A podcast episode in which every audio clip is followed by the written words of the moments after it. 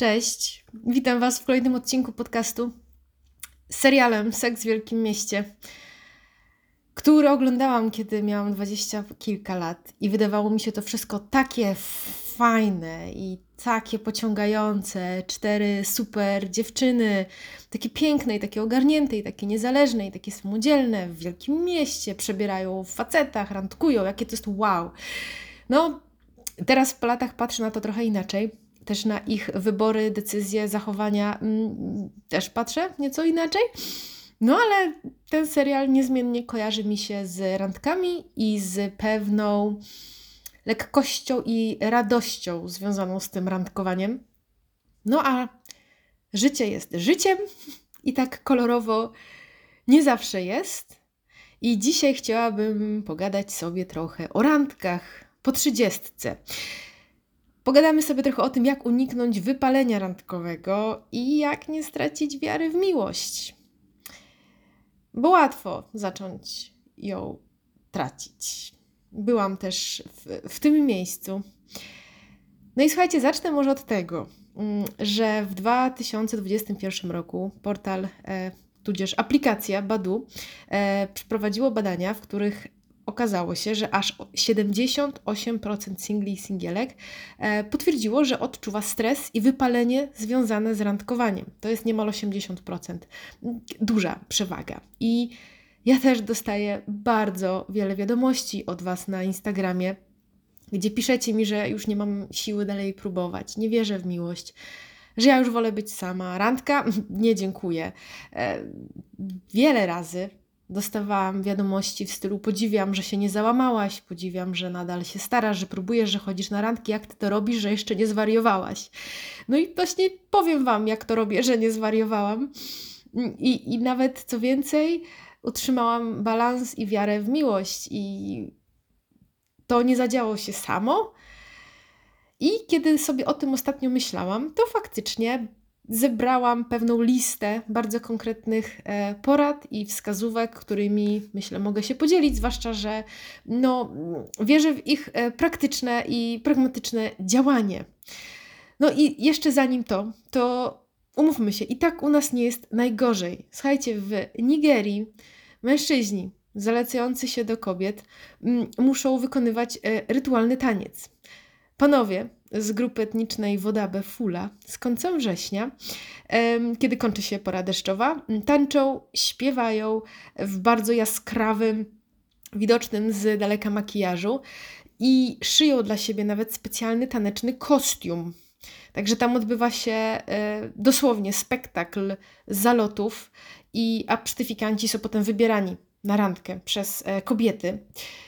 I czy wy wyobrażacie sobie na przykład level frustracji tych kolesi, jeśli on w tym stroju, w tym kostiumie, z tymi frędzlami, z tymi kolorowymi, żółtymi oczami, z tymi pomarańczowymi policzkami tam skacze i tańczy i nie jest wybierany na randkę, no to przecież to tam jest dopiero level wypalenia randkowego.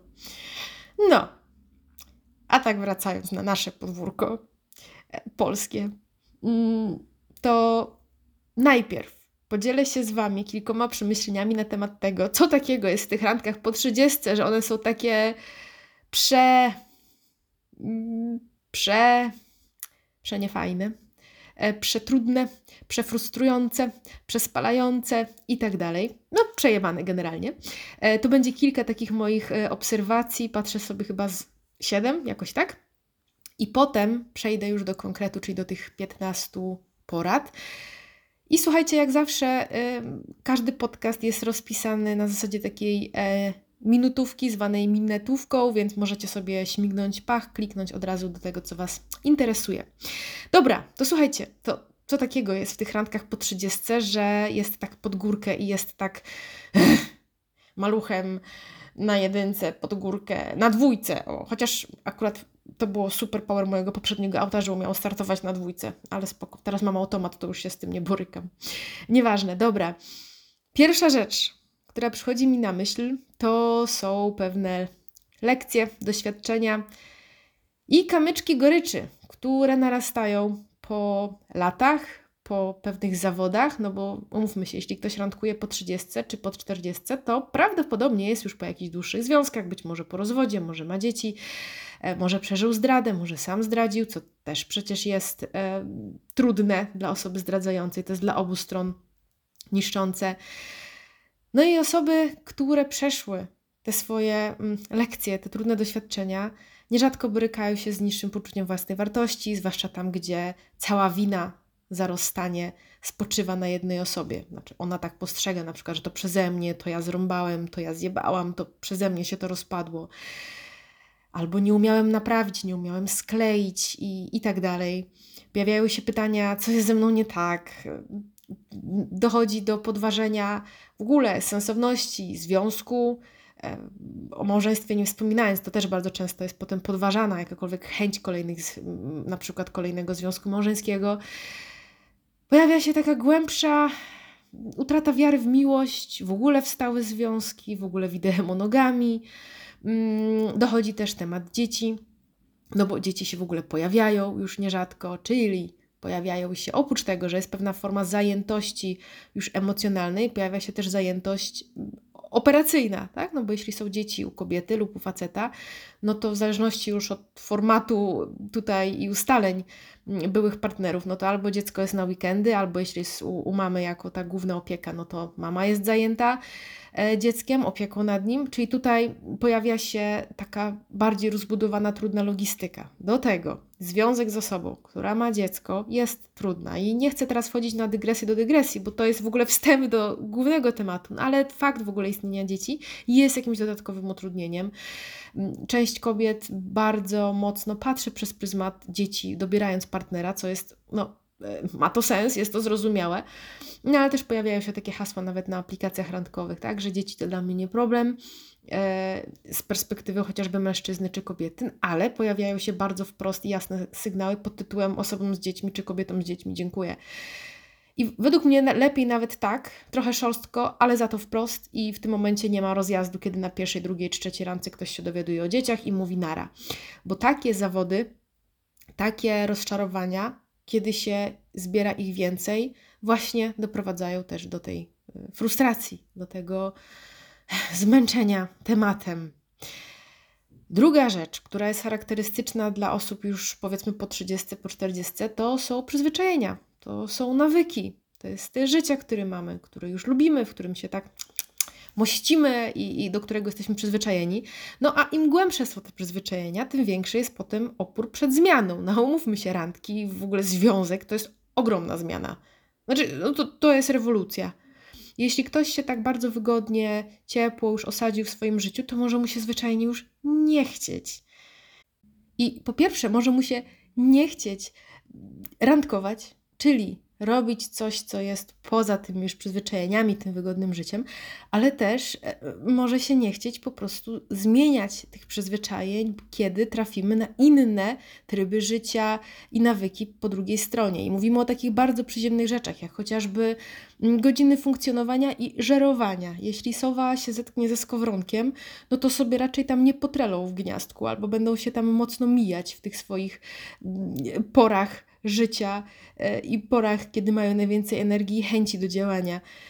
Jedni będą chcieli psy, inni koty, a trzeci w ogóle absolutnie nie chcą żadnych zwierząt. Jak ktoś taki, kto nie chce żadnych zwierząt, natrafi na osobę, która jest tutaj maniaczką, może być problem. Ktoś jest wege, ktoś uwielbia mięso i w ogóle jest degustatorem. Ktoś lubi X, drugi lubi Y. I teraz w momencie, kiedy jesteśmy młodsi, mamy dwadzieścia parę lat, to nierzadko właśnie te nawyki i te preferencje życiowe się dopiero wytwarzają. Osadzamy się w tych życiach, tak jakby osadzamy się w tych naszych tożsamościach, też na głębszym poziomie i na tym takim, na tych wykwitach w codzienności. I one wtedy bardzo często w sposób naturalny się synchronizują. Czyli ludzie, którzy wchodzą w pary na studiach, y, zaczynają tworzyć pary, wchodzą w związki na studiach, po studiach do trzydziestki, naturalnie jakby łapią te wspólne mianowniki też w postaci takich e, sposobów życia. I po 30, po 40 te tryby życia, te przyzwyczajenia są już mocno osadzone i wtedy nie zawsze już nie zawsze jest łatwo i przyjemnie, kiedy okazuje się, że druga osoba robi coś zupełnie inaczej i e, mając 20 parę lat razem nowe rzeczy odkrywamy i sprawdzamy, czy nam pasują, załóżmy z partnerem. Mając 30-40 lat, jeśli ktoś nie znosi chodzić po górach, a trafi na kogoś, dla kogo to jest absolutnie pasja numer jeden i chciałby tak spędzać każdy weekend, to może być problem. Nie musi to być problem, ale to może być problem.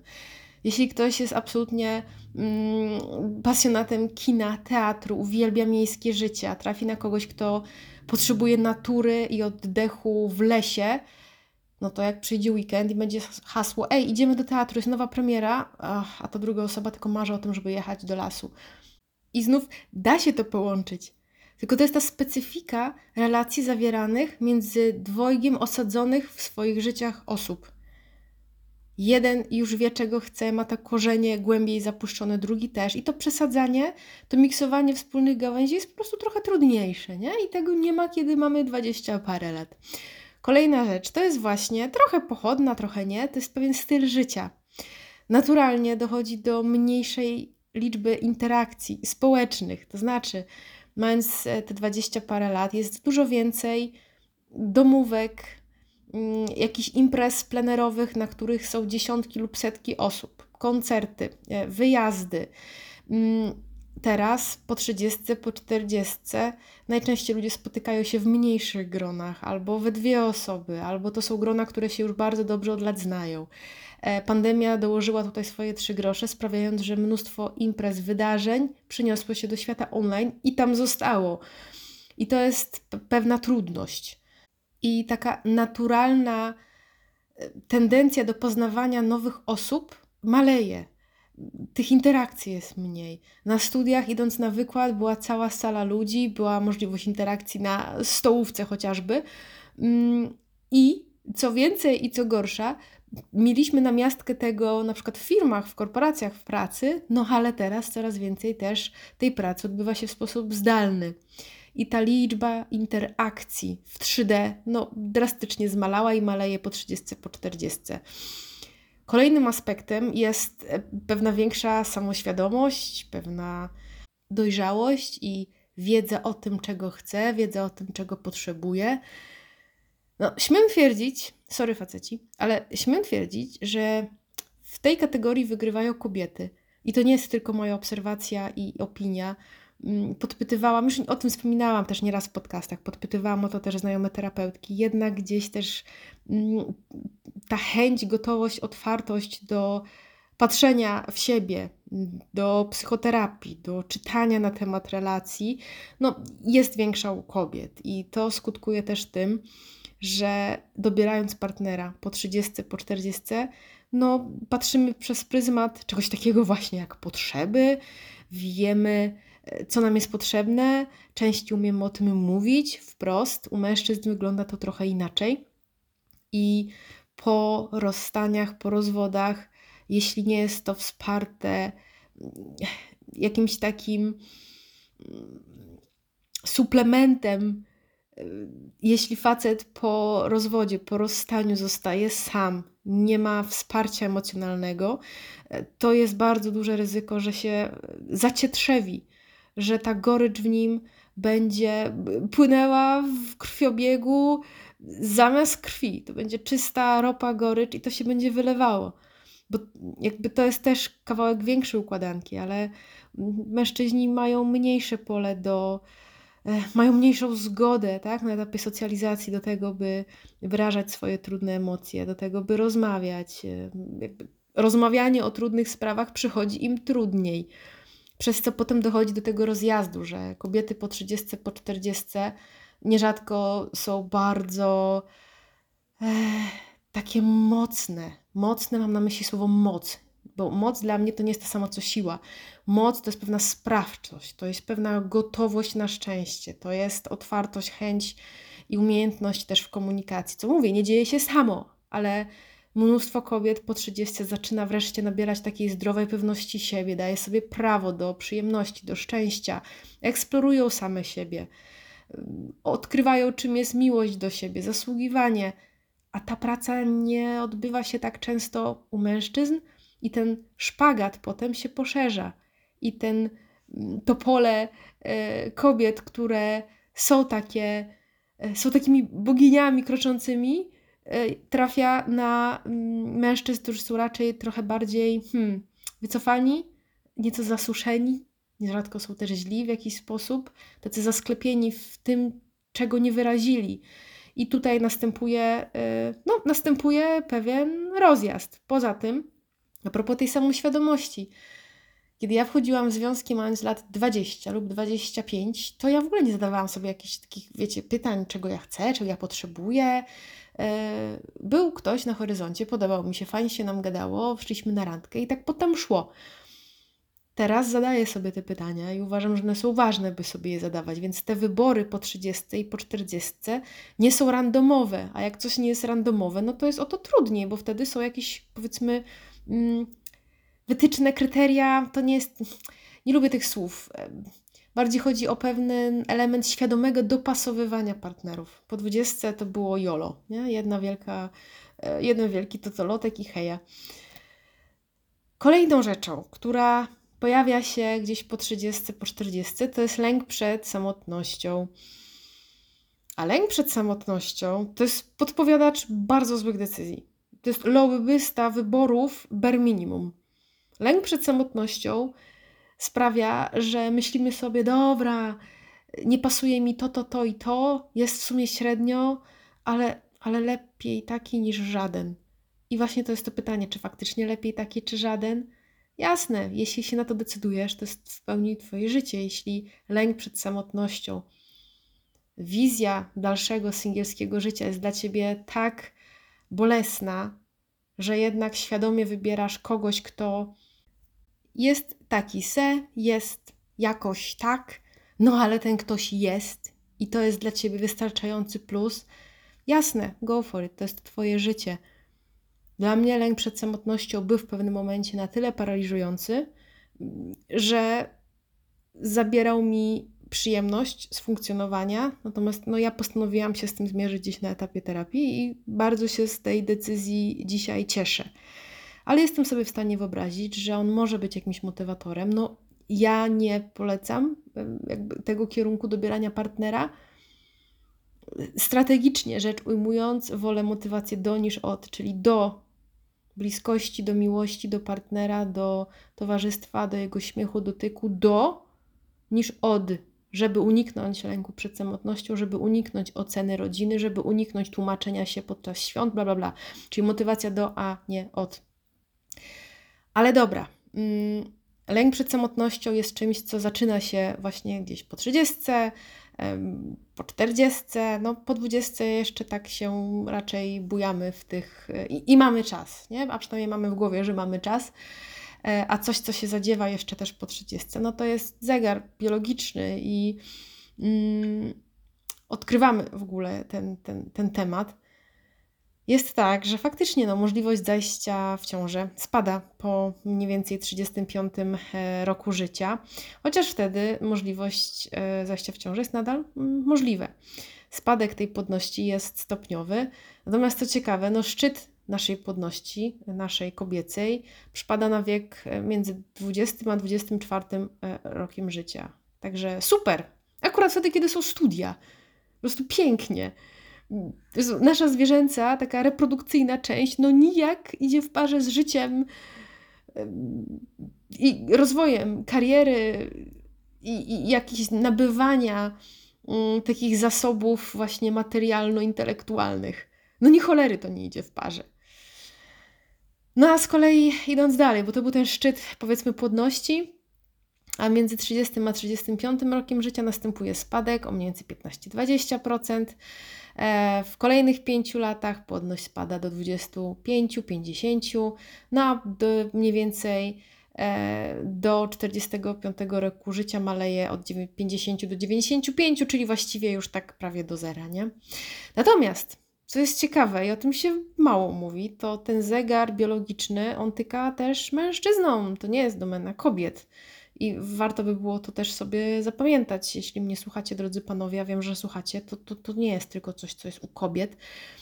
I te filmy, czy te donosy jakieś e, pudelkowe pokazujące jakiegoś milionera, który ma 60 lat i ma dziecko z dwudziestolatką, wszystko spoko, ale to też nie jest tak, że e, nie ma tematu zegaru biologicznego u nich. Jest, bo on jest starszy.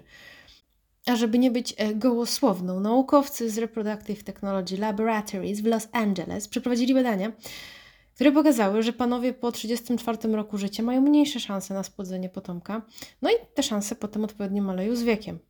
Profesor e, Stanislas, nie Stanisław, Stanislas e, Lionet, dyrektor oddziału genetyki w Hospital Necker w Paryżu, wykazał z kolei, że 40-letni mężczyzna obarczony jest sześciokrotnie większym ryzykiem spłodzenia chłopca z autyzmem niż dwudziestolatek.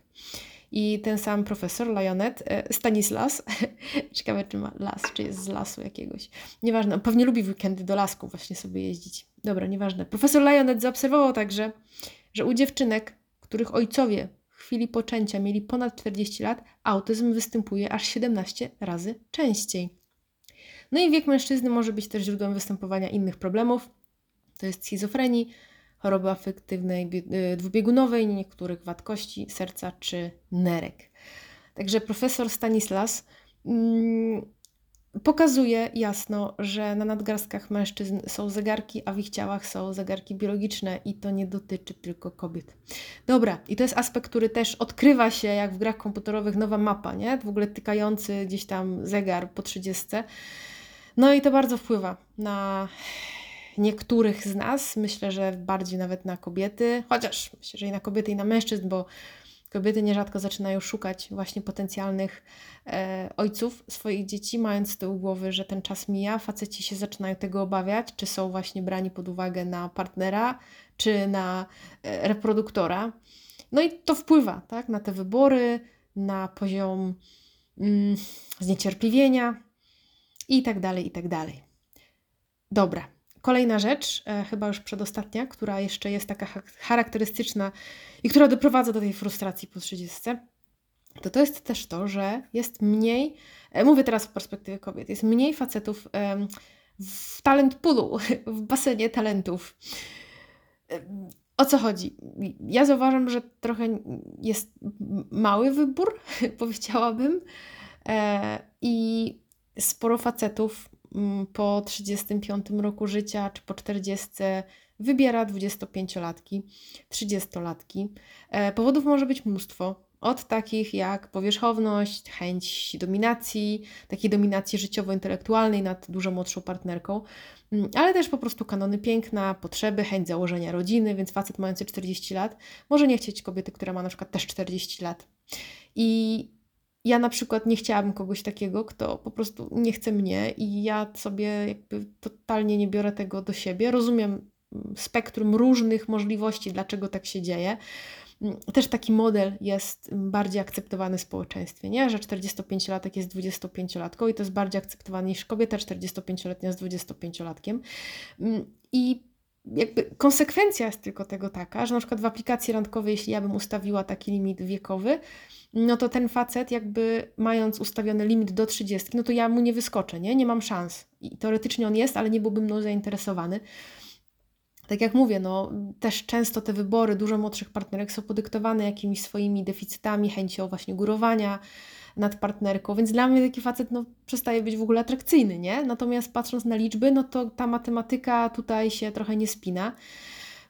No i to, co gdzieś tam wcześniej wybrzmiało, że jak patrzę sobie wokół na grona znajomych w pracy, poza pracą, czy chociażby w social media, chociaż to to najmniej, bo tam dużo ściemy w powietrzu jest do wdychania, ale jakoś tak więcej mam wokół i widzę, ale mówię, może to moja bańka, no, więcej jest tych kobiet takich świadomych, radosnych, mających swoje pasje, które podróżują, coś robią ze sobą, i, I, statystycznie więcej znam takich kobiet po 30, po 40 niż facetów, że gdzieś tam pojawia się takie momentami zdziadzienie, taka trochę mm, zasiedzina kanapowa.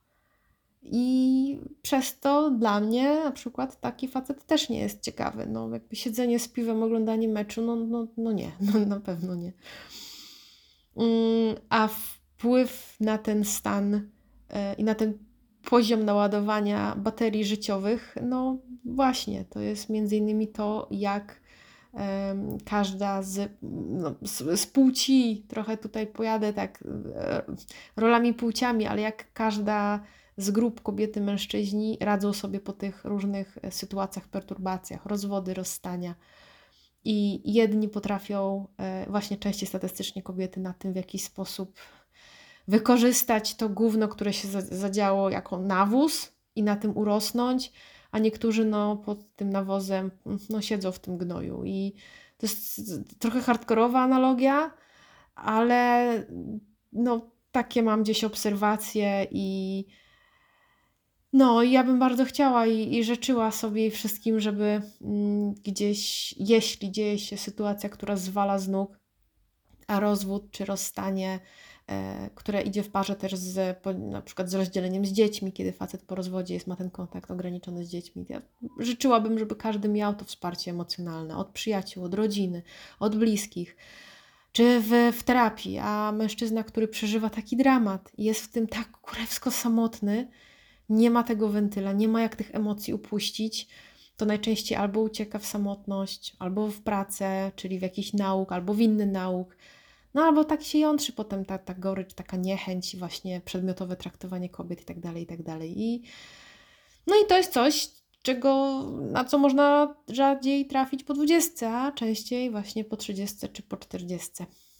No i w końcu e, ostatnia jeszcze specyfika, e, to jest w ogóle Tinder i aplikacje randkowe. No, przez to, że tych interakcji na żywo jest mniej, pojawia się opcja szukania partnera na aplikacji randkowej i nie mówię teraz o szukaniu seksu, tylko właśnie partnera, tak zwany LTR, LTR, czyli Long Term Relationship. Jeśli widzicie w opisie, że ktoś ma LTR, to znaczy, że szuka czegoś na stałe.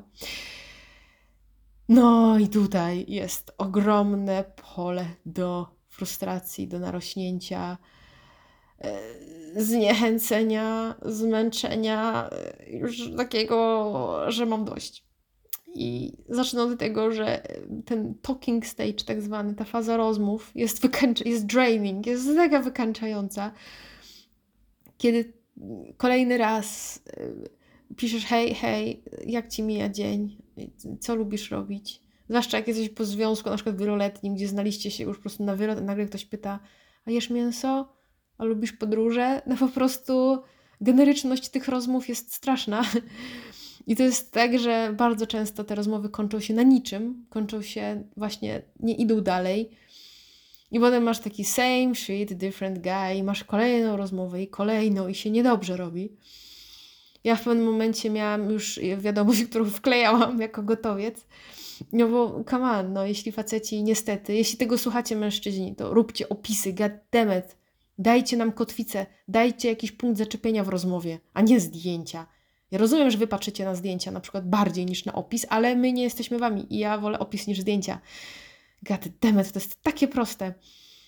I w momencie, kiedy miałam nawet już parę z kimś, kto nie miał opisu, zaczynała się rozmowa, i ja pisałam 15 raz to samo, to w końcu zrobiłam sobie taką templatkę i tam sobie potem wklejałam, że hej, wydajesz się interesującym facetem, szkoda, że nie masz opisu. Powiedz, co robisz na co dzień? Jaka jest Twoja największa pasja? Co sprawia, że się uśmiechasz?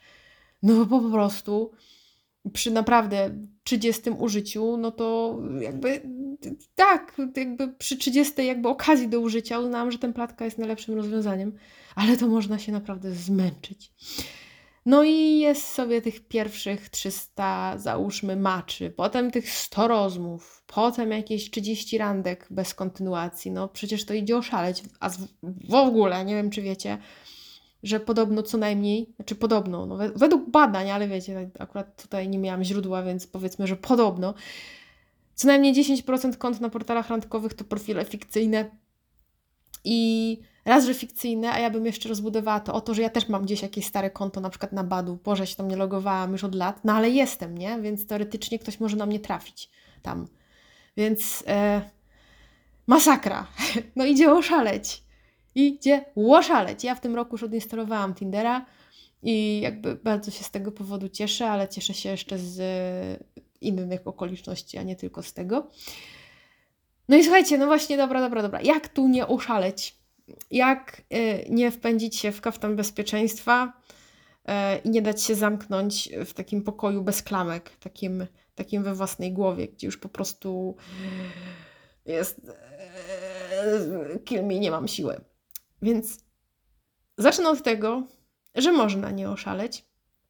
Można nie oszaleć i można się nawet całkiem nieźle y, na tym Tinderze i na tych całych randkach i w tym całym etapie y, bawić. A poza tym, i co chyba najważniejsze, można też nie stracić wiary w miłość. I to jest coś, co ja utrzymałam. Utrzymałam moją wiarę w miłość, utrzymałam moją wiarę w facetów. I jakkolwiek e, etap zabawy, jakiejś takiej eksploracji siebie i życia mi się skończył już z rok, dwa temu. I też e, Tindera odinstalowałam już, bo miałam dość jakby tej formy, to tak, ja się nie wypaliłam, jeśli chodzi o samorandkowanie, spotykanie się. I utrzymałam moją wiarę mm, w, no w miłość, po prostu w miłość. I Teraz przejdę do tych 15, aż najpierw było chyba 8, a potem, a jeszcze to, jeszcze to, jeszcze to, jeszcze to. Do tych 15 aż porad, które mi po pomogły, które ja robiłam, które ja wdrażałam i które e, przekażę Wam. Take it or leave it, patrzcie co Wam pasuje, bo to, że coś pasuje mi nie oznacza, że będzie pasowało wszystkim. Ale e, po pierwsze, no, dbaj o odpowiedni mindset. No i to jest właśnie to, że pozytywne nastawienie to jest podstawa. Pozytywne nastawienie takie, no mimo wszystko. Jeśli uznasz, że się nie uda, no to masz rację, no na bank się nie uda. Jeśli stwierdzisz, że nie wierzę już w miłość, no to jasne, że jej nie znajdziesz. Jeśli stwierdzisz, że wszyscy faceci są dupkami, no to nie znajdziesz gościa, który dupkiem nie jest, a wręcz będziesz wyłapywać w otoczeniu dupków. Tak działa nasz umysł, że Mamy tendencję jako ludzie do wyłapywania z otoczenia rzeczy i elementów, które potwierdzają nasze przekonania. To jest zajebiście ważne, co teraz mówię. Tak w biznesie, w relacjach, w pracy, w związkach, w ogóle w funkcjonowaniu. Mamy tendencję do tego, by wyłapywać z otoczenia rzeczy, które potwierdzają nasze przekonania. Więc jeśli jesteś przekonana, że za nie znajdę już miłości, to tak. No to Będziesz widziała wszędzie wokół rozwody, dupki, dup, dupki, trzy dupki z zakrzaka, będziesz widziała dupków, będziesz widziała osoby zdradzające, będziesz widziała e, kobiety, które są e, według Ciebie, nie wiem, w jakiś sposób lepsze, piękniejsze, które na pewno one, a nie Ty. Jakby przekonania kreują Twój świat, więc jeśli jesteś nastawiona na to, że tej miłości nie znajdziesz, no to tak, no, no to jej nie znajdziesz. I ja otrzymałam tą moją wiarę w miłość, bo też no, w przeciwieństwie do, do Boga, tutaj ta wiara w jakiś sposób w jakiś sposób mogłam nadać jej strukturę i mieć jakieś role models, mogłam mieć osoby, które są w związkach. Starałam się i dalej to robię, obserwować inspirujące pary, fajne pary, które mam wokół. I zaraz pojawi się hasło, no dobra, ale ich jest tak mało. No i spoko. A, a kto powiedział, że mało to źle? No, jeśli chcesz zajebistej relacji, no to zajebistych relacji nie ma wielu. No ale co, co, za, czy to coś zmienia? Jakby co to wnosi nie, do tej rozmowy? Tak, mam bardzo niewiele par, które obserwuję i które uważam, że inspirujące. No i co z tego? Ja mam zamiar taką stworzyć, a nie byle jaką. A jak będę chciała sobie potwierdzić przekonanie, że wszystkie związki są do dupy, no to sobie będę wyłapywać te, w których nie ma komunikacji, bliskości, jest szydera, wyśmiewanie, wbijanie sobie szpilek. Bardzo łatwo mi znaleźć takie pary wokół, jasne. I tutaj Kolejna rzecz, taka połączona, może nawet powinna być odrosłownym punktem, nieważne. E, jakby bądź dostępna i, i, i taka vulnerable, taka mm, momentami bezbronna w takim znaczeniu. Otwórz się na to, by być przy kimś sobą. E, ja mam tą decyzję, żeby jeśli poznam taką osobę, żeby mieć to otwarte serce żeby mieć to otwarte serce, mm, mam gotowość, żeby tam kogoś wpuścić. I nie tak, że od razu, tak? Pierwsza, druga randka i w ogóle, hej, tu drzwi otwarte, no oścież wpada i tak dalej. Ja jeszcze nie wiem, czy ta osoba mi tam nie na błota nie naniesie i nie wyjdzie i kupę zrobi. Przypomniała mi się ta Amber, boże, nieważne. Yy, Jasne, że w, w takiej sytuacji po iluś e, zawodach można mieć lęk, automatyczny lęk, a co jak ktoś właśnie wejdzie i zrobi rozpierduchę i wyjdzie. To ja sobie powtarzam, że okej, okay, będzie bolało. Będzie mnie bolało. Jeśli relacja, na której mi zależy, nie wypali, będę cierpieć, będę płakać. Będę to bardzo przeżywać, będzie mi chuj smutno i, i, i, i co? Czy to znaczy, że mam zamknąć serce, że mam nie być, um, że mam się cały czas pilnować, kontrolować i być jakaś, żeby tylko nie zostać zraniona?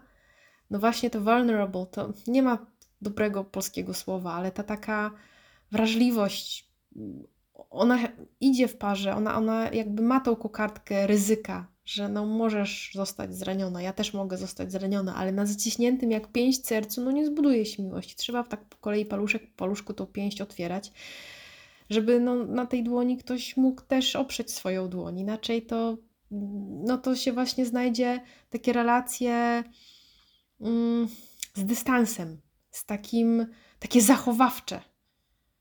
No bo zachowawczość chroni przed bólem.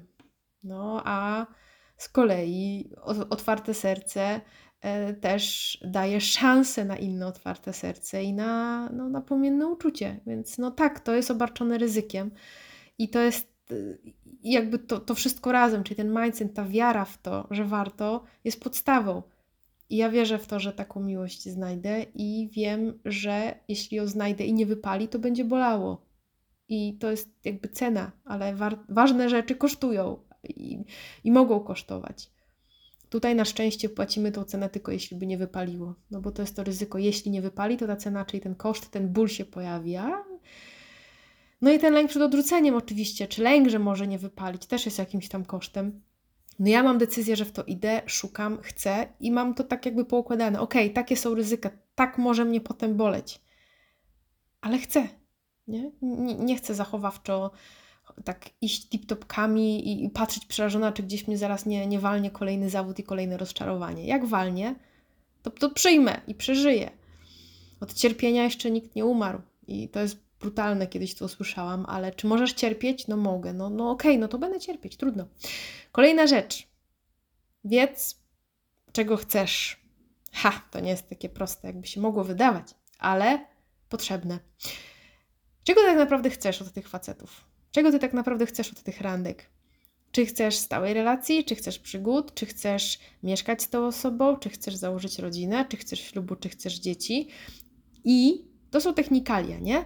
Ale też jakie potrzeby chcesz realizować z tą osobą, a jakie bez niej. Bo spoiler alert, facet nie spełni wszystkich potrzeb. Nie ma takiej opcji. To nie jest jakieś magiczne rozwiązanie na aktualne problemy. To nie jest tak, że jesteś, jeśli jesteś nieszczęśliwa, smutna i samotna, pojawi się facet, nagle wszystkie problemy znikną. No, to, to, to, takie, takie rzeczy to w komediach romantycznych. Bardzo polecam z tego, z tego poziomu e-booka jak randkować i nie dać się robić. Tam jest cały rozdział o potrzebach według Rosenberga i możesz sobie tam zobaczyć jasno, czarno na białym, grupy potrzeb, takie jak potrzeba towarzystwa, zabawy, bliskości, samorealizacji. Tam jest dziewięć grup z bardzo jasno wskazanymi e, podpunktami i można sobie bardzo śmiało, fajnie zobaczyć, kurczę, czego ja tak naprawdę chcę w ogóle od siebie, od życia, od przyjaciół i od faceta i sobie to pogrupować. Bo jeśli nie wiesz, czego chcesz od faceta, to po cholerę randkować. Albo inaczej, jeśli tak naprawdę nie wiem, czego chcę, no to tak sobie będę właśnie dobierać na chybił trafił, nie wiedząc, po co mi on. I dopiero w życiu wyjdzie, na co mi on. I to nie jest zbyt. Hmm. To nie jest na pewno zbyt przemyślane. Tak, taki totolotek może być strategią, jasne. No ale ja zachęcam do świadomych wyborów. I też powiem Wam, że ja na ten moment mam jakby jasność, że ja w ogóle nie chcę być na takim nie wiem, głodzie miłości, żeby szukać hajów dołych, żeby oszaleć z zakochania i w ogóle. Pamiętam te stany takiej ekscytacji kiedyś, to one miały bardzo takie dziwne podłoże. Tam w tym podłożu właśnie leżała jakaś taka ulga, że mi było tak źle samej, że facet jakby wiązał się z taką ekscytacją, jakby mi ktoś, kurde, życie ratował, że Jezu, jak teraz wreszcie będzie dobrze. A ja teraz mam super I osoba, z którą będę, nie wiąże się dla mnie już z jakimś ratownikiem, księciem, który mnie ma no, uratować. On daje mi siebie i raczej widzę tutaj takie ciepło i spokój, a nie fajerwerki mm, i brokat z dupy. Ja tak wolę. Nie chcę być crazy in love. Ja chcę być jakby peaceful in love. Ja chcę, żeby to był taki slow love, a nie fast track, nie? A nie, nie, ja nie chcę pasem szybkiego ruchu, gdzie tu fajerwerki, wybuchy w ogóle. Już się nie mogę doczekać, że umrę bez niego, jak mnie tu nie zobaczy. Znaczy, akurat takich myśli chyba nigdy nie miałam. Ale takich, że oszaleję bez niego i w ogóle na takim haju.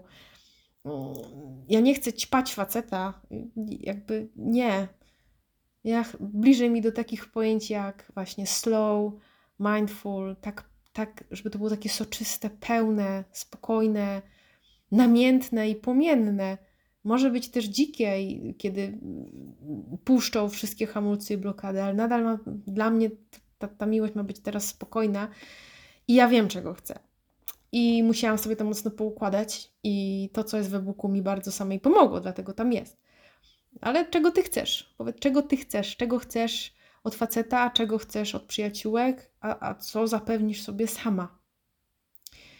E, kolejna rzecz, bardzo praktyczna tym razem, mm, czyli porada trzecia.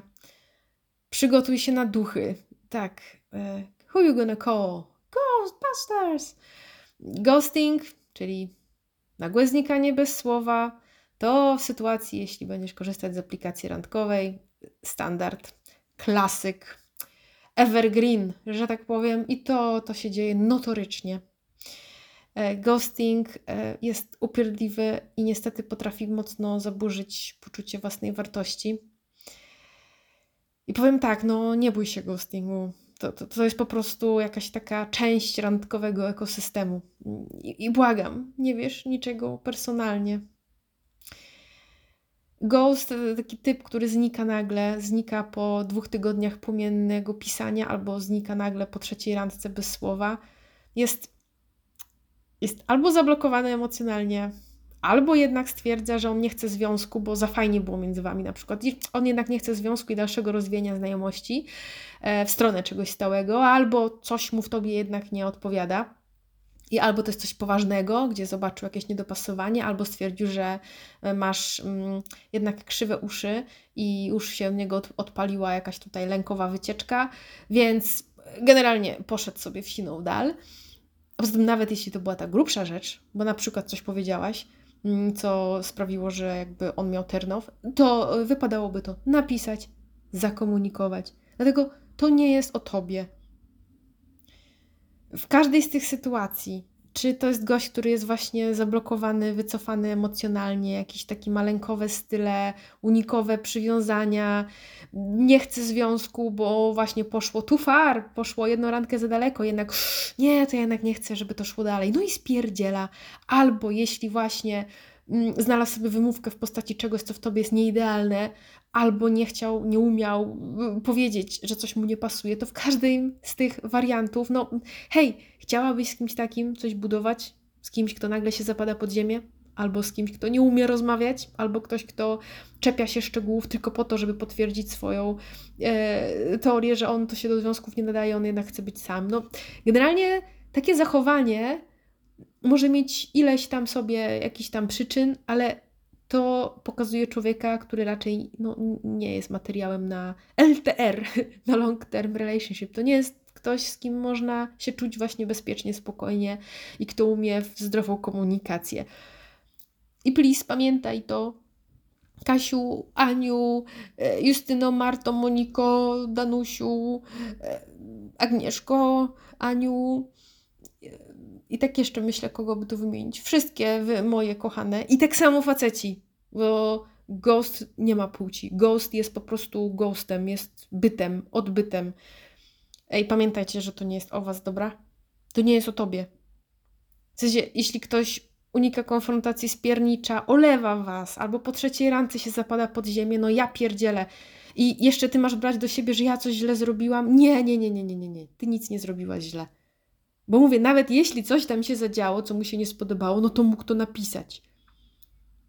I jakby branie do siebie, szukanie w sobie przyczyny znikania kogoś innego, no to jest prosty przepis na, no, no właśnie na wypalenie, na wypalenie randkowe, na obniżenie poczucia własnej wartości, więc please, please, please, please, please, bardzo, bardzo, bardzo proszę. Z Gogunia prosi, nie bierz tego do siebie, to nie jest, to nie jest o tobie. To jest o nim, nie? To jest o jego deficytach, problemach, blokadach i najlepsze, co mogę Ci poradzić, to po prostu otrzep się i idź dalej. I nie przykładaj wagi do tego, bo energia podąża za uwagą. Im więcej uwagi takiemu duchowi poświęcisz, będziesz kminiła, a dlaczego on to zrobił, a może coś się stało, a może coś, a może sranie, to nic się nie stało, gość ma swoje problemy, więc otrzep się i idź dalej dla swojego zdrowia mentalnego. Otrzep się i po prostu idź dalej, nie kmin tego, bo energia podąża za uwagą. Dajesz mu uwagę, tracisz swoją energię. Kropka. A więcej w e-booku.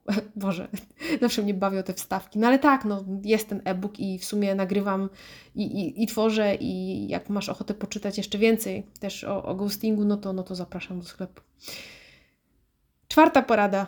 Mm w kontekście y, tematu może być y, wyzwanie, y, wyzwaniem. Mm, to jest czerp fan i przyjemność, czyli mimo wszystko. I może właśnie dlatego, że to wszystko się dzieje, zachęcam Cię bardzo mocno do tego, żeby tak spojrzeć na te randki jak na szansę, jak na okazję. To jest Twój czas, to jest czas do poznawania siebie. To jest też czas do poznania świata kogoś innego pytaj, pytaj, zadawaj e, jakby ciekawe pytania, które po pomogą ci wejść w jakieś takie inne rewiry, w których byś normalnie nie była. Spytaj o jakieś sporty popularne w Holandii, bo ktoś był w Holandii, albo ulubioną muzykę, albo książki, tak żebyś miała poczucie, że też się rozwijasz podczas tych randek. To jest okazja do interakcji i można iść wyłącznie z nastawieniem, że tak, to ma być to i to ma być ten, ale wtedy jakby to jest jakimś takim, mm, to jest takie skalane celem, a, a można po prostu pójść i spędzić miło czas i to jest ten kawałek też mindsetu, nie? Czyli takiego nastawienia. Idę nastawiona na to, żeby po prostu spędzić dobrze wieczór. I tyle, na lekkości.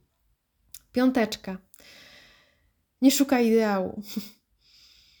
I to jest temat, który mógłby być e, tematem osobnego podcastu, bo szukanie ideałów, e, no właśnie, ma tutaj ciekawe mm, podłoża nierzadko.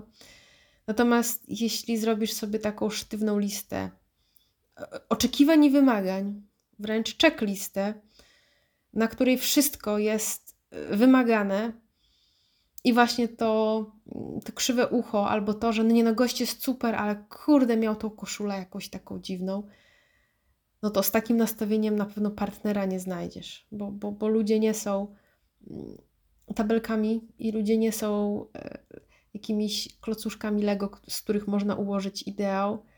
I według mnie bardzo dobrze jest mieć taką swoją listę rzeczy, które są nie do zmiany, które właśnie muszą być odczekowane na liście. Na przykład chcesz mieć dzieci, a on nie. Jeśli ty masz twardo jasno, yy, że chcesz dzieci, a on ma bardzo jasno, że nie chce mieć dzieci, no to ja bym powiedziała next. Nie? W sensie, po co tracić czas? Fajnie, wiemy na czym stoimy. Tylko, że ta lista tych takich twardych mastów, yy, takich, takich rzeczy, no, które są korem nie? Twojego albo funkcjonowania systemu wartości czy celów, to ta lista, no nie, według mnie, no nie może mieć 50 rzeczy, no, no bo to wtedy po prostu szansa na znalezienie takiej osoby jest bliska zeru. No i pytanie, na ile to jest też ucieczka? Bo szukanie ideału jest sposobem na to, by nie wejść w związek. Doszukiwanie się skaz, doszukiwanie się jakichś pierdoletów, doszukiwanie się różnic jest sposobem na to, by się upewnić w tym, że to nie jest ta osoba. I to jest sposób, żeby na przykład uniknąć lęku przed odrzuceniem albo lęku przed bliskością. No więc tutaj warto się przyglądnąć, co za tym stoi. No i w tym miejscu też e, wjeżdża jak na białym koniu porada numer 6, która jest troszkę połączona, ale świadomie ją rozbiłam na, na dwie, czyli nie unikaj rozwodników i młodszych facetów. Właśnie w ramach szukania ideałów może być możesz zauważyć taką tendencję do szukania kogoś, kto ma czystą kartę, ma być 3 do 5 lat starszy, ma mieć to, to, to, to, to, to, to, to, to i lista jest długa. A może się okazać, że właśnie już czas na konfrontację z tą idealną wizją, bo jak już wiesz, ideałów nie ma i one po prostu nie istnieją. Więc pytanie, czy to, że on ma być starszy o ileś lat, jest takie naprawdę super ważne i właściwie dlaczego on ma być starszy? Kto ci tak powiedział? Skąd to przekonanie, że facet ma być starszy? I znowu, jak chcesz mieć taką, taki kierunek, spoko. Jakby zostań, nie? Tam. Tylko wtedy możesz więcej stracić niż zyskać, bo możesz pominąć, chociażby w aplikacji randkowej czy na jakiejś imprezie, faceta, który jest 3-4x lat młodszy, jest świetny, ale on jakby sam fakt, że jest młodszy już stanowi dla ciebie dyskwalifikację. Więc sama sobie zawężasz w tym momencie możliwości e, działania. A z kolei też e, są osoby, które unikają rozwodników albo chcą tylko czystej karty. W ogóle co to znaczy czysta karta? No bo w wieku 30-40 lat no ciężko nie mieć historii i co, czysta karta oznacza sam papier, że był ślub? No to jeśli ktoś nie miał ślubu, to to, to jest czysta karta. W ogóle, come on. Ja bym nie chciała kogoś z czystą kartą, bo to znaczy, że to jest jakby pusta kartka. To jest taka, taki zeszyt niezapisany. No to co ten? To nie, ja chcę kogoś z zapisaną kartką, e, ale jakby przerzucamy kartkę na nową i jakby zapisujemy nowe rozdziały albo kończymy tom i rozpoczynamy tom drugi tudzież sezon 17 czyjegoś życia wspólny, ale to jakby takie wymogi właśnie, że nie może mieć rozwodu w sensie nie, że jest w trakcie ślubu, nie? Czy w sensie tak, w trakcie małżeństwa, ale że szukamy kogoś, kto spełnia jakieś takie tutaj twarde wytyczne, czy nie ma dzieci, nie może mieć dzieci. No, to są takie dosyć ostre wytyczne, a przecież rozwód, który jeszcze w dodatku na przykład zakończył się E, terapią, czy terapią par jeszcze przed tym rozwodem, to jest świetny zasób, no, to jest doświadczenie, to jest lekcja, to jest mądrość wyniesiona z tego związku. Kurczę. Także dla mnie akurat fakt, że ktoś miał rozwód był e, zawsze na plus, bo to znaczy, że ktoś podjął się w ogóle e, poważnej życiowej decyzji, nie obawiał się małżeństwa. Mm, a to, że nie wyszło, no to, no to życie się zadziało, nie? Natomiast zachęcam Cię do sprawdzenia sobie, do takiej rewizji własnych e, zasad i własnych takich myśli pod tytułem facet musi, hmm, musi być młodszy, musi więcej zarabiać, musi to, musi to, no bo jakby im więcej takich obostrzeń, tym mniejsza szansa na poznanie realnego człowieka. Siódemka. Nie oczekuj, obserwuj. No, im silniejsze masz oczekiwania, tym silniejszy jest potem zawód i rozczarowanie. Im większa nadzieja, tym większe rozczarowanie. To znaczy, im silniejsze wizje w głowie już sobie tam gdzieś wytworzysz, tym mocniejsze zetknięcie z rzeczywistością. Także jeśli randkujesz, umawiasz się z kimś, albo jesteś na etapie pisania w aplikacji randkowej, to błagam, nie snuj jakiejś romantycznej wizji happy endów, ślubów i białych gołąbków bo, bo tylko się na tym możesz przyjechać i właśnie spalić. A to, że on też lubi koty i sushi, więc już jesteśmy dla siebie w ogóle stworzeni. Nie, po prostu znaczy, że on lubi też koty i sushi. To nie jest nic wielkiego. Jakby, jeśli widzisz sobie takie zaczyny romantycznych wywodów, no dla własnego bezpieczeństwa sobie to ucinaj. Nie twórz sobie wizji tam, gdzie nie znasz człowieka. Jeśli gadacie nawet przez tydzień, dwa, mm, no, no nie, ty go nie znasz. To, że on ci pięknie coś pisze, to, to nie musi być wcale prawda. To może być prawda, ale to i tak wyjdzie w czynach. A jeśli spotykacie się mm, miesiąc, no, no, no, no to to jest jeszcze krótko, żeby już podejmować decyzję o narzeczeństwie, czy o tym, że ja już wiem, że to jest ten jeden, jedyny na zawsze. Natomiast zauważam bardzo często te takie tendencje, do tego, że to już jest ten, nawet jeszcze na etapie pisania u dziewczyn. I, I to jest dla mnie zaskakujące, bo to jest bardzo ryzykowne. To znaczy, jeśli chcesz uniknąć wypalenia randkowego, no to takie działanie właśnie powoduje to wypalenie, to jest paliwo. Kolejna rzecz, absolutnie kluczowa, na czerwono bym ją dała, tu z wykrzyknikami, to jest oczywiście obserwuj czerwone flagi. Nie, to nie jest żaden wymysł. Czerwone flagi są super ważne. I czerwone flagi to nie jest coś, co oznacza, że trzeba kogoś już skreślić. Ale to są pewne jaskółki, to są pewne, a powiedziałam nawet sępy latające nad wami, które mogą oznaczać w przyszłości problemy. Ktoś ma być może problem z zazdrością, ktoś manipuluje, tutaj złapać na jakimś kłamstewku. Ta lista czerwonych flag y, jest u mnie w e-booku i zachęcam, tak samo mówię o nich sporo też w, w materiałach na Instagramie i na TikToku, ale w e-booku są zebrane jakby wszystkie w jedno. I ja sobie dzielę te flagi na czarne i czerwone. Czarne to są dla mnie takie, które są, no właśnie, zero-jedynkowo. Ja się tutaj, zero-jedynkowe. Tutaj się nie certolę. Jeśli trafiałam na gości, którzy mieli czarne flagi, to tutaj odchodziłam. Przykład, aktywne uzależnienie. Albo jakieś takie przemocowe tendencje. Mm, dla mnie osobiście też czarną flagą jest e, homofobia, rasizm, i takie dosyć ostre, bardzo, y, bardzo czarno-białe przekonania życiowe. Ja się z taką osobą bym nie dogadała, nie chcę się z nią dogadywać w życiu, w rozumieniu, może wróć, w życiu się tam dogadam, bo po prostu jakby nie brałabym, e, nie wchodziłabym w dyskusję z taką osobą, jakbym miała z taką osobą chociażby, nie wiem, pracować. Jasne, dogadałabym się, po prostu w innych obszarach bym gdzieś koncentrowała uwagę, ale w związek bym z taką osobą wchodzić nie chciała, więc wtedy dla mnie tutaj jest mm, jakby koniec. Ale czerwone flagi to jest coś, co jest bardziej zwiastunem, to jest taka czerwona lampeczka. Ja uważam, że czerwone flagi warto bardzo szybko zbierać, obserwować i w miarę możliwości adresować je, czyli spróbować o tym porozmawiać. Co za tym stoi? Albo sprawdzić, kiedy ktoś zaczyna manipulować, wpędzać poczucie winy, albo e, stosuje jakieś niefajne zabiegi e, e, pogadać. Pogadać i zobaczyć, co dalej, bo czerwona flaga no, może się szybko stać czarną, ale nie, nie musi. No, są sytuacje, w której na przykład jakaś mega zazdrość, która jest taką czerwoną flagą, jakaś taka, takie zwiastuny zaborczości, może się okazać, że to jest pokłosie poprzedniej relacji.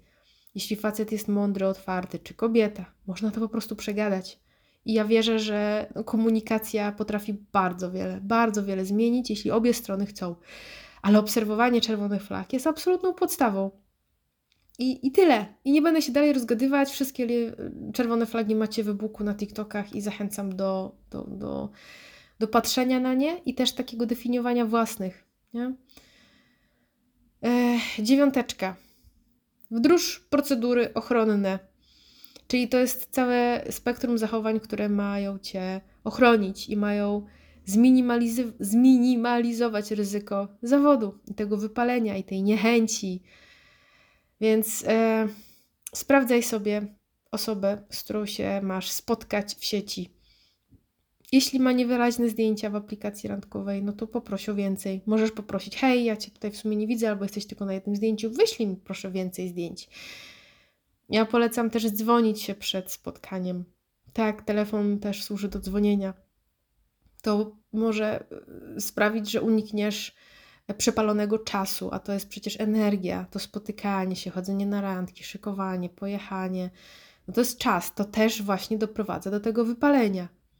No to jeśli możesz się zdzwonić, pogadać i zobaczyć, że totalnie Wam rozmowa nie idzie, ale tak totalnie, no to zaoszczędzisz czasu i właśnie kolejnego zawodu. Ja miałam przez ostatni rok taką zasadę, że ja miałam absolutnie zero Mm, takiego emocjonalnego angażowania się do momentu pierwszego spotkania, ponieważ tak wiele razy byłam ghostowana jeszcze na etapie pisania, e, że w momencie, kiedy nie dochodziło do spotkania, to, to, to, w żaden sposób. Po prostu odpowiadałam, było fajnie i sobie pisaliśmy, ale ja w żaden sposób nawet nie, nie wiem, nikomu nie mówiłam, o, poznałam kogoś. Nie, to, to, to jakieś tam pisanie. Potem jeszcze mm, w sumie na końcówce samej jeszcze sobie wzbogaciłam tą zasadę o to, że w sumie jakby nie mówię nawet nikomu z bliskich o, o randce, dopóki nie dojdzie do drugiej. Bo też bywało, że po pierwszym spotkaniu miałam ghostingi takie totalne, nie? Po, już, czyli po randce pierwszej. Więc jakby traktowałam to jako fajna rzecz, po prostu fajna rzecz, która nie jest niczym wielkim, żebym od razu mówiła przyjaciółkom, że, że idę, że to jest jakiś Paweł, a to jest jakiś Michał. Nie, dopóki to nie pójdzie troszeczkę dalej, przynajmniej do spotkania albo do drugiego spotkania, to ja się w to nie angażowałam w żaden sposób, taki, żeby sobie tworzyć wokół tego wizję, sobie coś wyobrażać, pitu, pitu.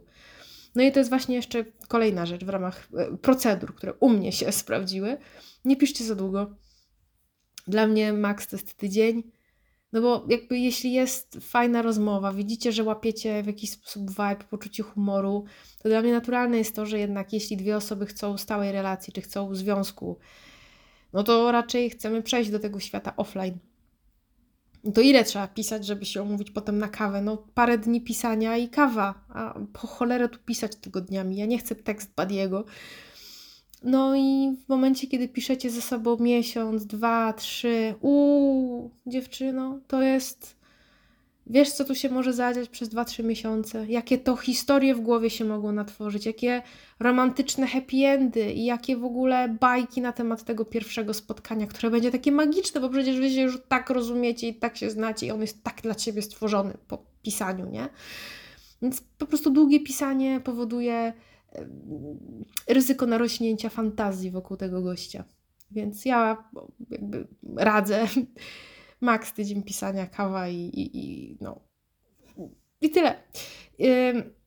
I myślę sobie, że też e, warto w, na tym etapie jeszcze pierwszym pisania, czy też na, e, podczas tego pierwszego telefonu, a już na pewno podczas pierwszego spotkania próbować włapać te kluczowe rzeczy, takie, które są dla ciebie, mm, których nie odpuścisz, które, w których nie jesteś otwarta na kompromisy.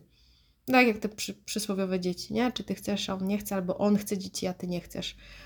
Warto sobie to przegadać, żeby po prostu nie tracić czasu. No i właśnie czas. I tutaj dziesiątka. Odrzucaj bare minimum i move next. Nie obawiaj się rezygnować z relacji, które ci nie służą, jeśli ktoś daje ci absolutny minimum swojego zainteresowania, potem odzywa się raz na tydzień, potem znika, e, dostajesz jakieś e, mieszane sygnały, e, po prostu czujesz, widzisz, że dostajesz jakieś takie ochłapy, no to next, naprawdę. Jeśli komuś zależy, to chce być w kontakcie. No, jeśli on do ciebie pisze, to ty odpisujesz, tak? Masz tą energię, masz chęć i zasługujesz na to samo z drugiej strony. Gierki, jakieś zabawy tutaj, come on, naprawdę. I inicjowanie spotkania, e, czy w ogóle chęć poznawania się, zadawanie pytań. Jeśli gość, to to się czuje i to widać po jego zachowaniach. Jeśli ma dla ciebie jedno zdanie, hej, co tam, co cztery dni, to sorry, ale to jest minimum, to jest okruch kiedy ja się z tym spotykałam, to po prostu mówiłam next. I miałam nawet dwa takie przypadki, które były aż takie naprawdę memiczne. Mogłam zrzut z tego zrobić. I mm, gość pisał mi codziennie rano, y, dzień dobry, a innego dnia, jak nie rano, to wtedy wieczorem tam dobranoc kwiatuszku. Ale to wszystko, słuchajcie, nic więcej. Hej, co u ciebie, jak mija dzień, cokolwiek, nic, tylko była wiadomość albo na dzień dobry, albo na do widzenia. I jak po trzech tygodniach takiego dostawania, takiego, takiego, nie wiem, niczego, napisałam mu, że yy, hej, ale właściwie to nie pisz do mnie już dalej, bo to nic nie wnosi i nie szukam osób, które będą mi wysyłały y, życzenia. Także dzięki. I on po prostu się tak uniósł, że o co ci chodzi, przecież chcę być tylko miły. Ja mówię, dobra, ale ja nie szukam kolegów, którzy będą mili, tylko raczej osób, z którymi się docelowo spotkam. Dobra, teraz to ja już nie mam ochoty. Myślę, Jezus Maria. Gość mi pisał przez 3 tygodnie, przez 21 dni jedno zdanie rano i on już potem wybuchł, że czego ja od niego chcę. No. Mm, no.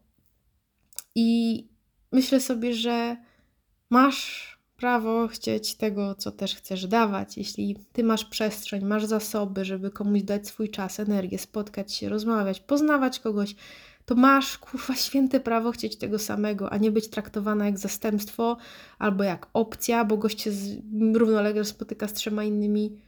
Jakby odrzucaj takie kierunki, bo to po prostu szkoda czasu, a czas jest najcenniejszym zasobem, jaki mamy. Naprawdę.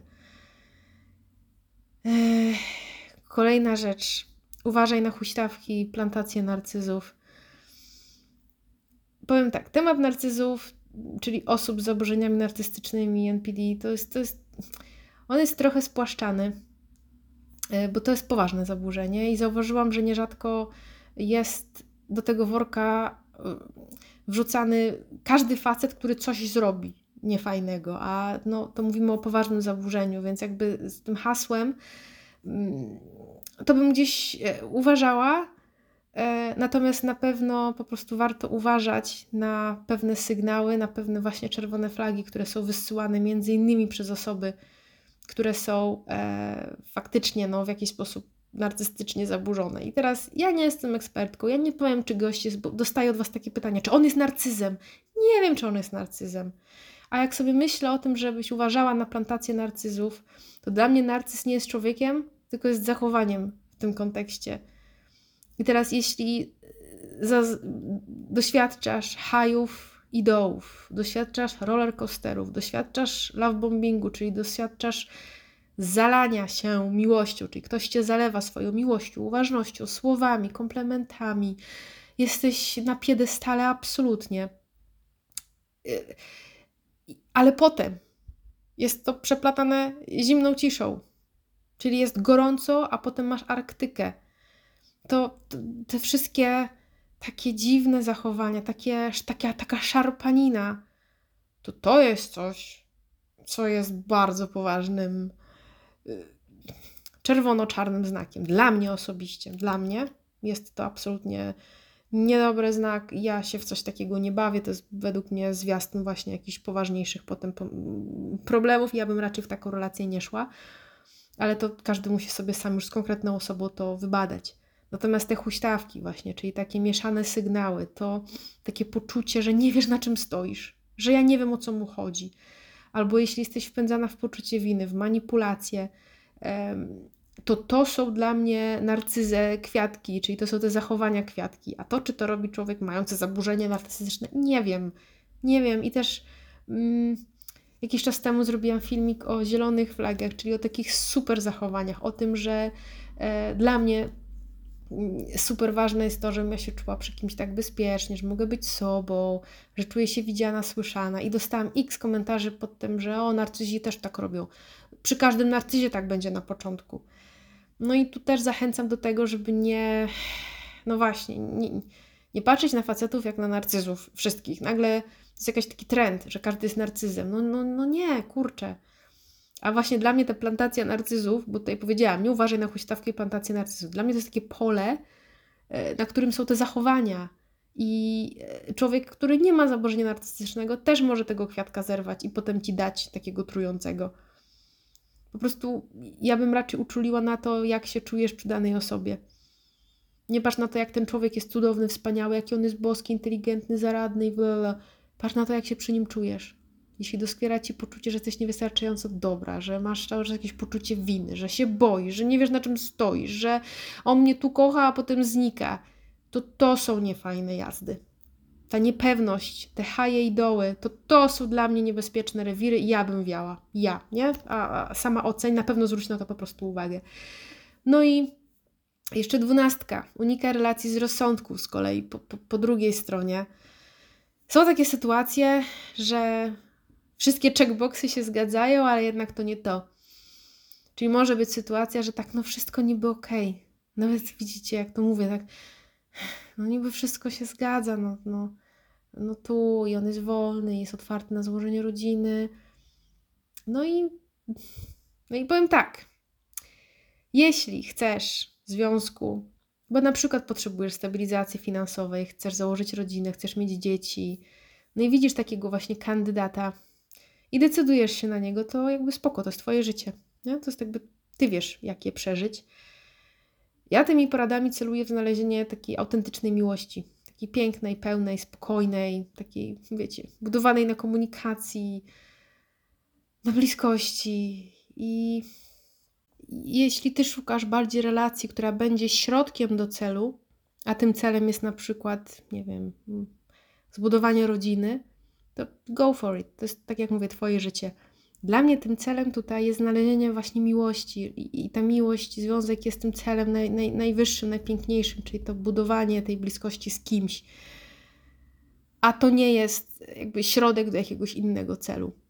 Także te relacje z rozsądku, no, mogą wydawać się bardzo kuszące w momencie, kiedy jesteśmy właśnie wypaleni, kiedy pojawia się frustracja. Ja już nie mam siły na kolejną randkę, ja już, ja już stracę wiarę w to, ja już nie mam, ja już nie mam ochoty, ja już nie mam siły, a ten gość, no, no wydaje się. Okay. Nie? I jeśli ktoś się tak wydaje, okay, wszystko się zgadza, ale to mówisz z poziomu głowy, to taki związek być może miałby i nawet szansę na przetrwanie.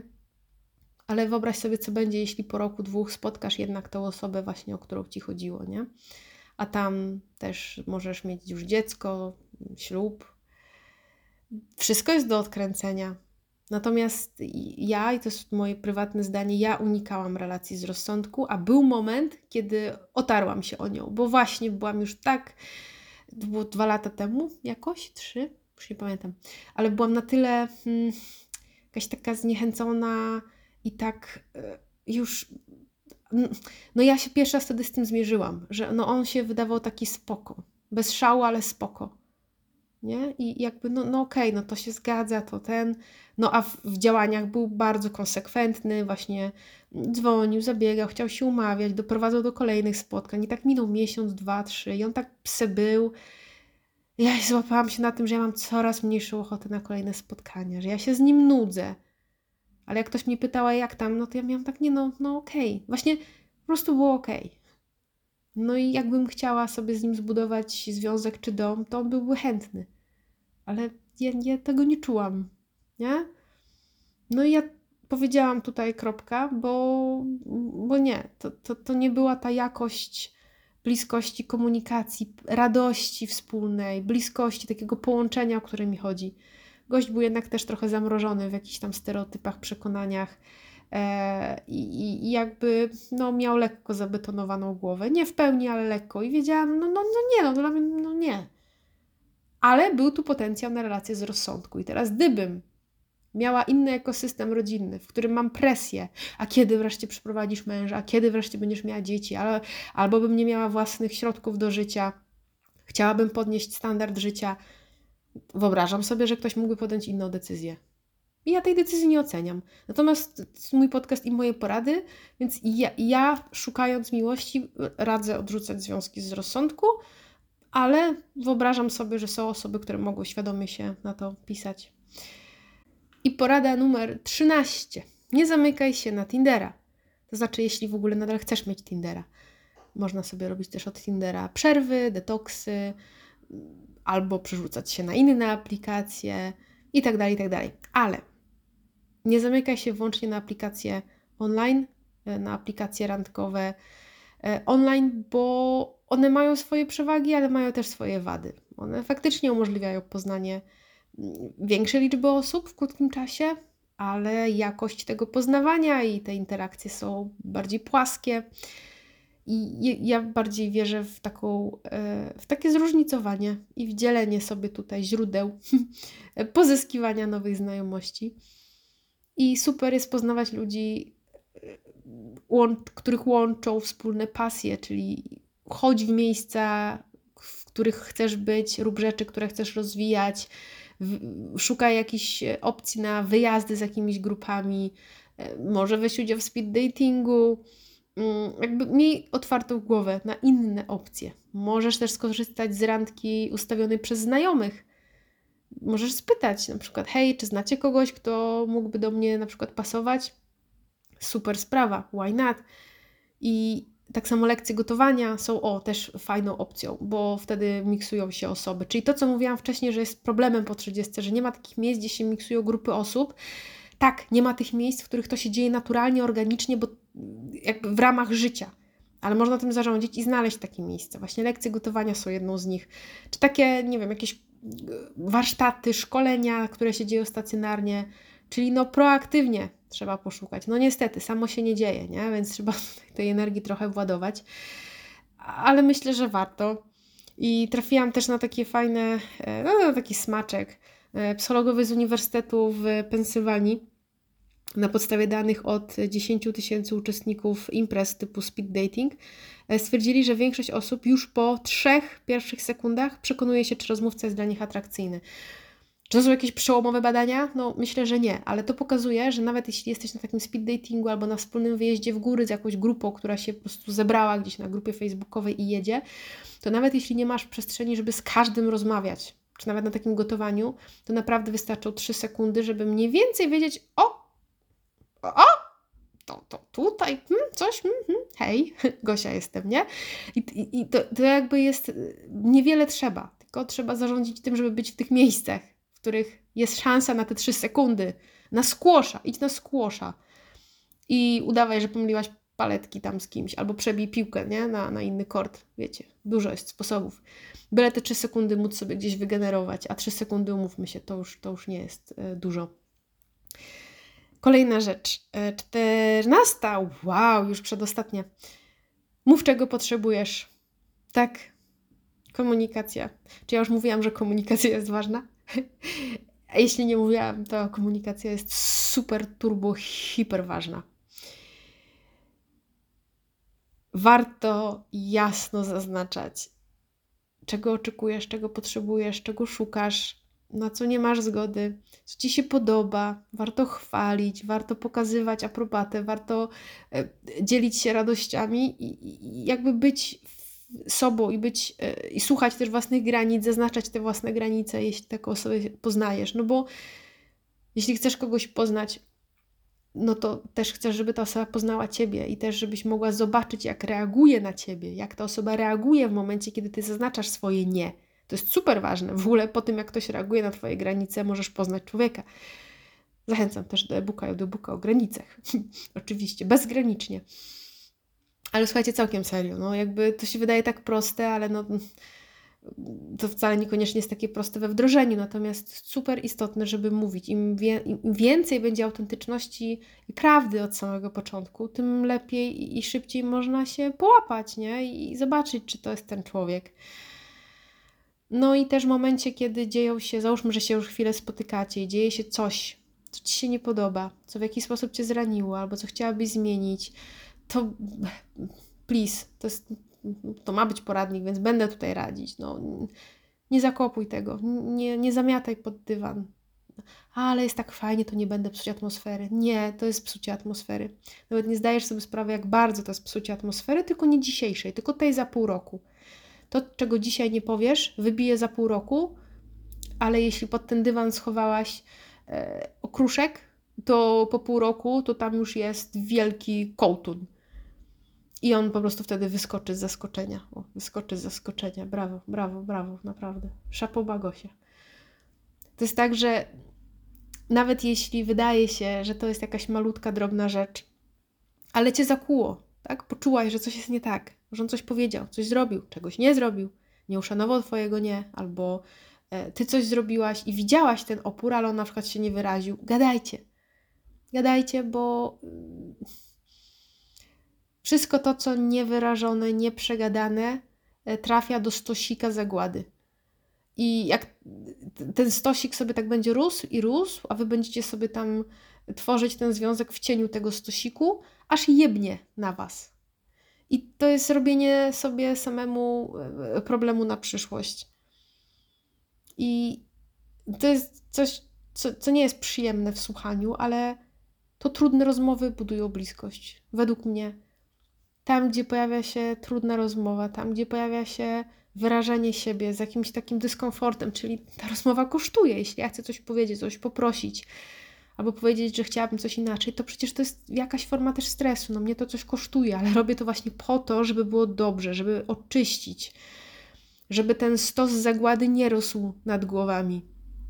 I to jest super ważne na etapie poznawania się, żeby nie wejść w coś, co nie istnieje. Czyli nie robić jakiegoś. Mm, nie budować związku, którego nie ma. Czyli jeśli ja nie mówię, jaka jestem naprawdę, nie mówię, co mi przeszkadza, to ten związek w ogóle jest jakąś taką farsą, nie? Jest jakąś taką, takimś hologramem. A potem się okaże po pół roku, rok, że, że tam właśnie się nazbierało. I, I tam to niewyrażone zaczyna przeważać. i się nagle okazuje, że ona już nie jest taka sama, on jednak już nie i nie licz też na to, że on się zmieni. Wchodzenie w związek licząc, że on się zmieni, no come on, od samego początku warto rozmawiać i mówić, czego chcesz, czego potrzebujesz i zobacz sobie, czy ta osoba, z którą się spotykasz, ci odpowiada taka, jaka jest, a nie taka, jaka mogłaby być, gdyby się zmieniła. Bo nie wchodzisz w relację i nie rozważasz wchodzenia w relację z plastelliną, którą urobisz, tylko z człowiekiem, który po 30, po 40 jest jednak już jakoś w miarę osadzony i yy, zaskrzepnięty. Mówi się zaskrzepnięty? No wiecie o co chodzi. Zastygnięty w takim swoim cemenciku. I tak, rozmowa. Generalnie rozmowa. I, I tam, gdzie właśnie chcesz uniknąć, to właśnie tam rozmawiaj. Tam, gdzie właśnie tak, a to Nie dobra, ale nie będę. Nie, to jest racjonalizowanie i to jest chwilowa ulga. Unikanie rozmów daje chwilową ulgę w imię przyszłego jebnięcia, więc ja polecam gadać od początku. No i ostatnia rzecz, w sumie super ważna. Wszystkie są super ważne. Wszystkie są w ogóle super. Mm, nie żyj randkocentrycznie. Dobra, nie żyj facetocentrycznie, męskocentrycznie i w ogóle związkocentrycznie jakby jeśli jesteś na etapie gdzieś randkowania, to yy, niech to będzie kawałek Twojego życia, a nie całe życie. Mm, bo wtedy możesz podejmować mądrzejsze decyzje. Miej swoje życie, pasje, nie wiem, biegaj sobie w polu, hoduj sobie opuchlaki, e, albo nie, bo opuchlaki w sumie żarą rośliny, więc ci zniszczą rośliny, ale możesz sobie na przykład uprawiać truskawki, albo grać na ukulele, uprawiając truskawki. E, I generalnie e, rób, rób rzeczy, żyj, ciesz się tym życiem, miej przyjaciółki, miej bazę ludzi. I jeśli jakby doprowadź do sytuacji w życiu, w której jeśli ktoś się zdarzy, to będzie super, ale jak ten ktoś się nie pojawi, to nie ma tragedii. I wykorzystaj ten czas. Ten czas, który masz, to życie, które masz na życie, na doświadczenie. Poznaj siebie, przypatrz się sobie, spróbuj tak na siebie popatrzeć z taką, z taką lupką wewnętrzną, bądź dla siebie samej super przyjaciółką i dla innych dziewczyn i odkrywaj siebie. Jesteś kopalnią diamentów, pokop tam sobie trochę, po, podoświadczaj. A jak on się znajdzie, ten ktoś, i ty go znajdziesz, czy on ciebie, czy po prostu na siebie traficie, to super. Ale jakby takie życie, które ma jeden nadrzędny cel, znalezienie faceta, jest jakieś takie, ma jakoś takie, takie znamiona presji presji i wtedy to życie staje się poczekalnią. I ja bym nie chciała przeżywać życia, które jest poczekalnią, bo życie jest życiem tu i teraz, a e, jakby czekając, nie jestem tu i teraz. Czekając, ja jestem w takim trybie zawieszenia, zamrożenia. Także zachęcam Cię bardzo mocno do mm, tego, by randki były częścią życia, e, a nie celem, fundamentem, parasolem w ogóle wszystkim. I na sam koniec powiem Wam, że coś, co mi osobiście już Gosi bardzo pomogło, to właśnie dystans, nie branie porażek personalnie, nie branie ghostingu personalnie, w ogóle nie branie tego do siebie, odklejenie zachowania innych od siebie, własne życie, założenie bloga, nagrywanie podcastów. Czemu nie miałabyś sobie też nagrywać podcastów? Super sprawa, polecam. I pomogło mi też jednak konsekwentne, odważne mówienie next. Tam, gdzie trafiam na kogoś, kto ma mnie gdzieś, to ja zamiast biegać za tą osobą w popłochu, zastanawiając się, czemu mnie nie chce, ja nauczyłam się traktować takie zachowania jak turn off, jak po prostu e, odpodniecacz. No i też mm, pomogło mi otwarcie się na inne opcje, właśnie poza Tinderem, poza bywaniem w różnych miejscach, e, kiedy koleżanka spytała mnie, czy chciałabym poznać kogoś, e, kto jest taki i taki, i, i, że, i że jest taki, taki, i czy chciałabym go poznać, więc ja powiedziałam, że tak, tak, tak. I jest. E, mam teraz rumieniec. Więc jest, jest. A ze względu na na względy. Nie chcę o tym mówić bardziej. Czas pokaże. Mm. I ja Was bardzo gorąco zachęcam Teraz się cieszę jak taki, jak głupi do sera, ale się cieszę jak mądra do Coca-Coli, mam przed sobą zero oczywiście. Nie, no jest super, ale nie chcę na razie opowiadać zbyt dużo, bo nie chcę, żeby to miało formę pamiętnika. Natomiast na ten moment e, podpisuję się rękami, nogami pod wszystkim tym, co tu powiedziałam, pod wszystkimi poradami i konsekwentne szukanie tego, na czym nam zależy, po, prostu popłaca. Słuchajcie, zachęcam Was do e-booka i zachęcam Was do cieszenia się życiem. Po prostu życiem. Niezależnie czy z kimś, czy samemu. A im bardziej to życie będzie kolorowe samej, samemu, myślę, tym nawet jest większa szansa na przyciągnięcie kogoś, kto będzie chciał być częścią takiego fajnego życia. Także trzymajcie się, bądźcie szczęśliwe i nie dawajcie sobie wmawiać, że coś jest z Wami nie tak. I ja Wam przekazuję kawałeczek, taki, taki puzelek tej wiary w miłość, bo mam jej sporo i, i to jak mam, to, to się podzielę. Także trzymajcie, trzymajcie się, łapcie mm, miłostkowe zasoby i słyszymy się niebawem. Pa!